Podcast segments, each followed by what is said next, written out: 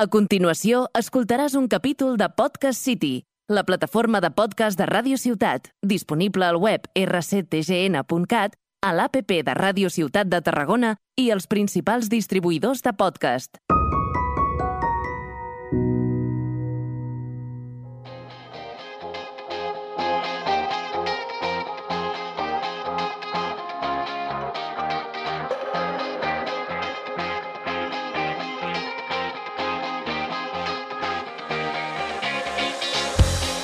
Tarragonins, tarragonines, sigueu benvinguts i benvingudes al primer programa de la temporada d'Històries de Barri, el podcast que tot la canya s'ha d'escoltar per saber què dimoni s'ha passat a la seva ciutat des d'una perspectiva diferent a la convencional. La nostra intenció és riure'ns una mica de la nostra estimada Tarragona i dels ciutadans que l'habiten alhora que donem alguna clatellada a qualsevol que ho hagi merescut. El timing d'inici de temporada no és bo, perquè després del concurs de castells la ciutat quedarà morta fins al juny, amb excepció del Nadal i Setmana Santa, que alguna cosa fem per matar el temps de les vacances. Així que per iniciar temporada repassarem què han separat aquestes darreres setmanes on Tarragona i sobretot els tarragonins van deixar de ser uns amargats. Ciutadans de Tarragona, des de Bona Vista fins la Mora, us parla Aleix Soler i això és Històries de Barri.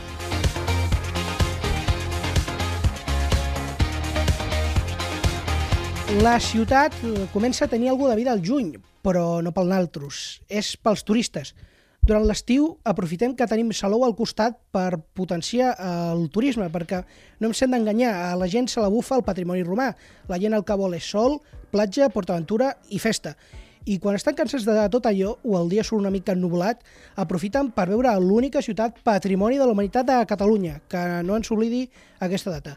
Al setembre som els tarragonins qui, després d'hivernar durant uns 11 mesos, sortim al carrer per salvar Santa Tecla. I aquí em vull aturar un moment, perquè no podem començar una temporada sense comentar l'esdeveniment tarragoní més important de l'any.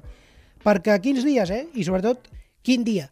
Mira que teníem ganes de Santa Tecla després de dos anys sense unes festes com Déu mana i va, i el dia de la patrona cau el diluvi universal.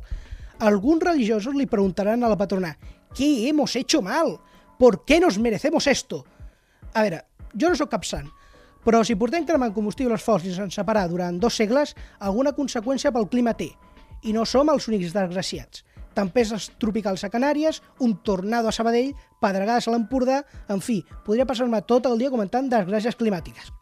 Ara bé, exceptuant aquell dia, han sigut dues setmanes on els carrers de Tarragona s'han omplert de vida i també de gent borratxa fins al cul de Chartres.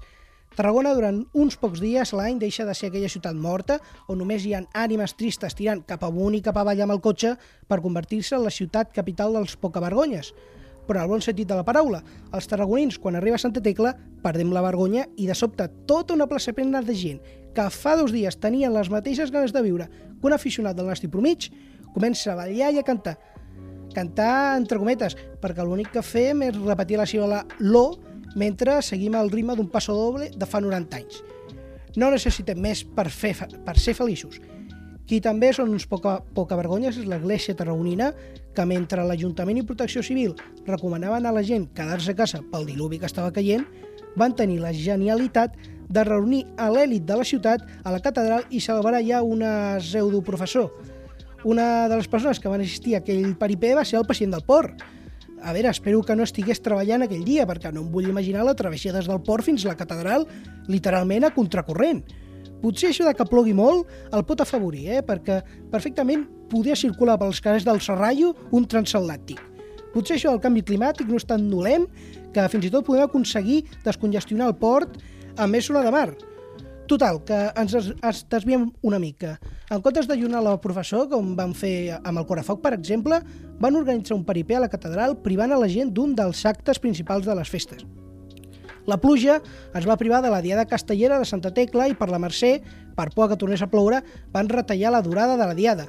Aquí molta gent va criticar l'organització perquè no va ploure fins la nit. Per tant, retallar la diada no va tenir cap sentit, però el risc estava allà. Van allunar el correfoc i en aquell cas van acertar completament, perquè la pluja va començar una mica passades les 10 de la nit. Van ser conservadors, sí. Massa, potser, però veient el que va caure el dia anterior, no volien arriscar-se que a mig del Pilar caminant comencés a ploure. Ara bé, tampoc es podien queixar, eh? perquè van gaudir de la resta de les festes com van a la tradició i, de fet, molt més llargues. 14 dies més més els actes previs a principis de setembre que van sorprendre els forasters que estaven a la ciutat, entre ells Alberto Núñez Feijó, que per si no us sona és el president del Partit Popular a nivell espanyol. Doncs bé, aquest senyor no va vindre per gaudir de la ciutat.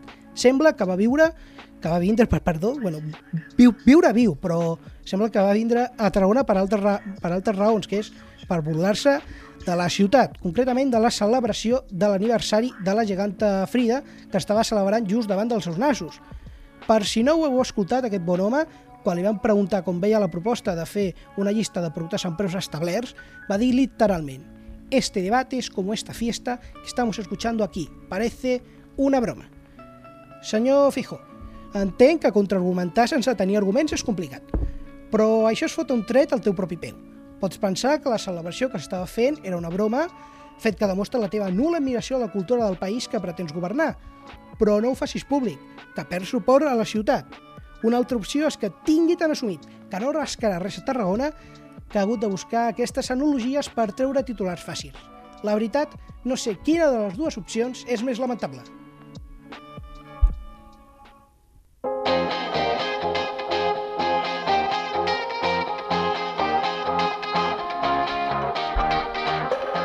I per tancar la temporada activa de Tarragona vam tenir el concurs de castells a la TAP. Per sorpresa d'absolutament ningú, van guanyar els castellers de Vilafranca, el Madrid dels castells. A la, lo que ha dit ho sento molt, però són molt passats, són molt bons. Tenen a tot el Penedès apuntat en una mateixa colla i a més tenen la capacitat de poder arrossegar altres castellers d'altres zones de Catalunya, sense anar més lluny. El cap de colla dels Verds és ganxet. Si eliminem els pesats de Vilafranca, qui va guanyar el concurs va ser les joves de Valls, que ho van celebrar com tocava. Vam ser els guanyadors morals. Tothom sap que per guanyar tota una comarca has de tenir el millor dia de la teva història i sort. Van estar prop perquè van tenir el millor dia de la seva història, però els hi va faltar un palet de sort. Deixant al costat la competició, Tarragona va ser capital de Catalunya durant un cap de setmana. I això sembla que la Corporació Catalana de Mitjans Audiovisuals, la Corpo, no ho saben. Els passats de TV3 fan cada any el Piró Musical en directe, que és un altre local a Barcelona. La resta de gent que no som d'allà ens ho hem de menjar perquè sí. En canvi, l'acte cultural més important de l'any, que més hi participen colles de tot el territori, simplement fan un resum anàlit quan tothom ja ha vist els castells. El que sí que va donar la Corpo va ser la Lliga Catalana de Bàsquet, que es va celebrar enmig de Santa Tecla al Palau d'Esports de Can Clar. Va ser el segon acte que es celebra ja des dels Jocs Mediterrani. S'ha celebrat, com hem dit, la Lliga Catalana de Bàsquet i la vacunació massiva contra la Covid. És cert allò que deien que el Palau seria un espai polivalent. Te pot servir com una pista de bàsquet, com en cas de pandèmia mundial, un espai per vacunar a la gent. Els tarragonins som els únics habitants del món que podem dir que ens hem vacunat al mateix lloc que ha jugat un partit de bàsquet amb Margasol. Els únics del món. Sentim-nos orgullosos d'aquesta circumstància. Sembla que ara el que vol és omplir de vida el Palau amb els clubs de la ciutat. Bé, però llàstima que no s'hagués fet abans. L'Ajuntament no va tenir el control del Palau fins que la Generalitat el va cedir fa uns pocs mesos. És a dir, que aquí la crítica ha d'anar cap a la Generalitat, que no ha pogut o no ha volgut engegar el Palau durant aquests anys. Mira que la Generalitat critica el centralisme, però si aquest centralisme recou cap a ells, sembla que no passa res. Mira que vam tenir temps per donar les claus del Palau a l'Ajuntament. Finalment ho van fer. Suposo que per passats. Ja m'imagino el senyor Ricomà amb l'Aragonès insistint que, si plau, deixa que controlem el Palau d'Esports de Can Clar. I l'Aragonès dient, Palau d'Esports d'on? Sembla que l'Ajuntament, com bons catalans que són, faran coses al Palau. Només demano no sou massa exigent que més que fins ara.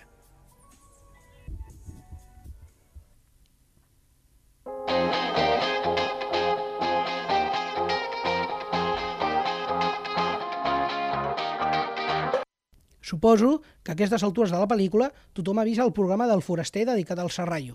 És la primera vegada que Quim Masferrer es passa per la ciutat i això de riure'ns de nosaltres mateixos mentre alaben contínuament el nostre barri és molt, molt tarragoní. El programa es va centrar en el molt pesquer i va ser molt emotiu al final del programa amb en Josep, pescador de tota la vida, que, bueno, vol pescar una miqueta només i no té els, tots els papers en regla. I a vegades la Guàrdia Civil, quan l'enxampen, l'han de multar. Quan van veure en Josep allà la seva barqueta remant, com podia l'home, perquè li costava tres parts de, de, de nassos, i com es va emocionar després quan recordava a son pare, eh, a molts ens va, caure, ens va caure una llagrimeta. Som històries de barri i aquí no només ens quedarem amb el que és bonic. Gent del Serrallo, què és això de presentar-vos com un poble independent? Quina imatge de Tarragona doneu? Doneu la imatge que la ciutat està fragmentada i poc cohesionada. Que teniu raó, eh? Però la tele hem de donar imatge. Ara que estem en petit comitè, la vostra situació tampoc és tan dolenta, eh? comparada amb els barris de Ponent o Sant Pere i Sant Pau. Per, per, per exemple, uh, uns han de passar uh, un riu, el riu Fran Francolí, mentre que Sant Pere i Sant Pau han de passar una autovia. Valtros, que sou del Serrallo, només heu de passar un túnel, que és el que us separa de la ciutat de les vies del, del tren. Gent del Serrallo, tampoc esteu tan malament. I ara vull dedicar-li unes paraules a la Paxixa, que els pis de la Bíblia, eh? del Serrallo de tota la vida, castellera amb la colla del barri, jugadora de futbol durant molts anys, una senyora que ha fet a tot. Escolteu el que va dir al final del programa. Paquitxa, de quin equip sou? Del Nàstic? No, no, no, no. Ah, no? Jo, jo sóc del Madrid. Ai, ai, ai, ai. Patxitxa, patxitxa. Dic el mateix que abans, imatge. No diguis això quan surtis a la tele, si plau. Diguis, sí, sí, del nàstic de tota la vida, a veure si pugem aquest any. I, i tots contents. Ser el nàstic i ser de Tarragona no sempre és sinònim. I això, els que anem al camp tots els diumenges, ho sabem.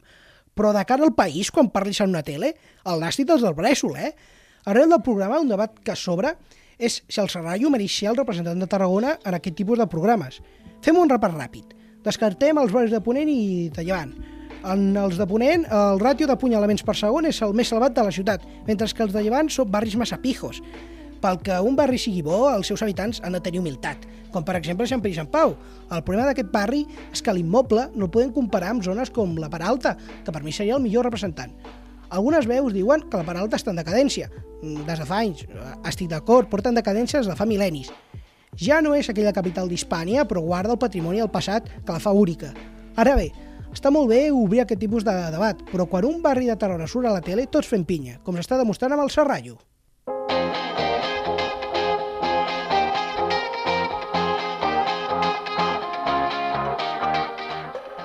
I ja per tancar el programa anem a la notícia de la setmana. Durant aquests dies el que hem notat és que la ciutat fa més pudor que normalment. I dic més pudor perquè pudor fa sempre. Nosaltres no ho notem perquè vivim aquí, però pregunta-li a qualsevol que passi per, per Tarragona. Doncs bé, imagina't quina pudor feia que ho hem notat fins i tot nosaltres.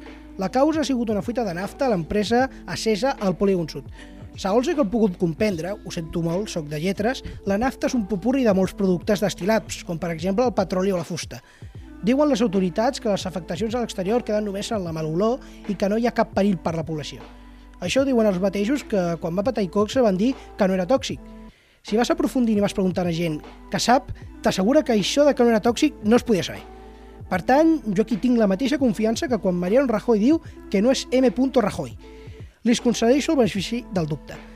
El que ha quedat demostrat és que falta transparència. L'empresa no va dir res fins passades unes hores de la fuita i les informacions de l'evolució van sortir a comptagotes. A novembre s'espera que es faci un simulacre de les sirenes i de tot el sistema en cas d'incident químic, per, com porten fet tota la vida. A vegades penso que és inútil. Si després, quan arriba l'incident, tenen por a prendre el botó perquè tampoc volen alertar a la, a la població, doncs no fem res. No sé, potser sóc l'únic en aquest vaixell, però jo prefereixo prudència.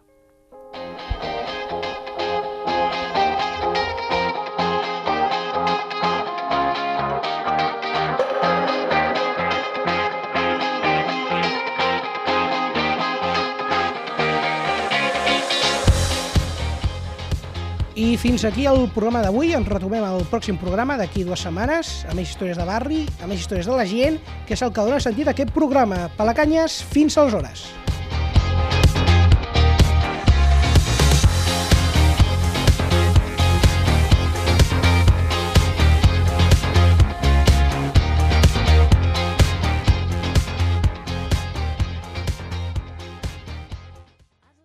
Un capítol de Podcast City, la plataforma de podcast de Ràdio Ciutat, disponible al web rctgn.cat, a l'APP de Ràdio Ciutat de Tarragona i els principals distribuïdors de podcast.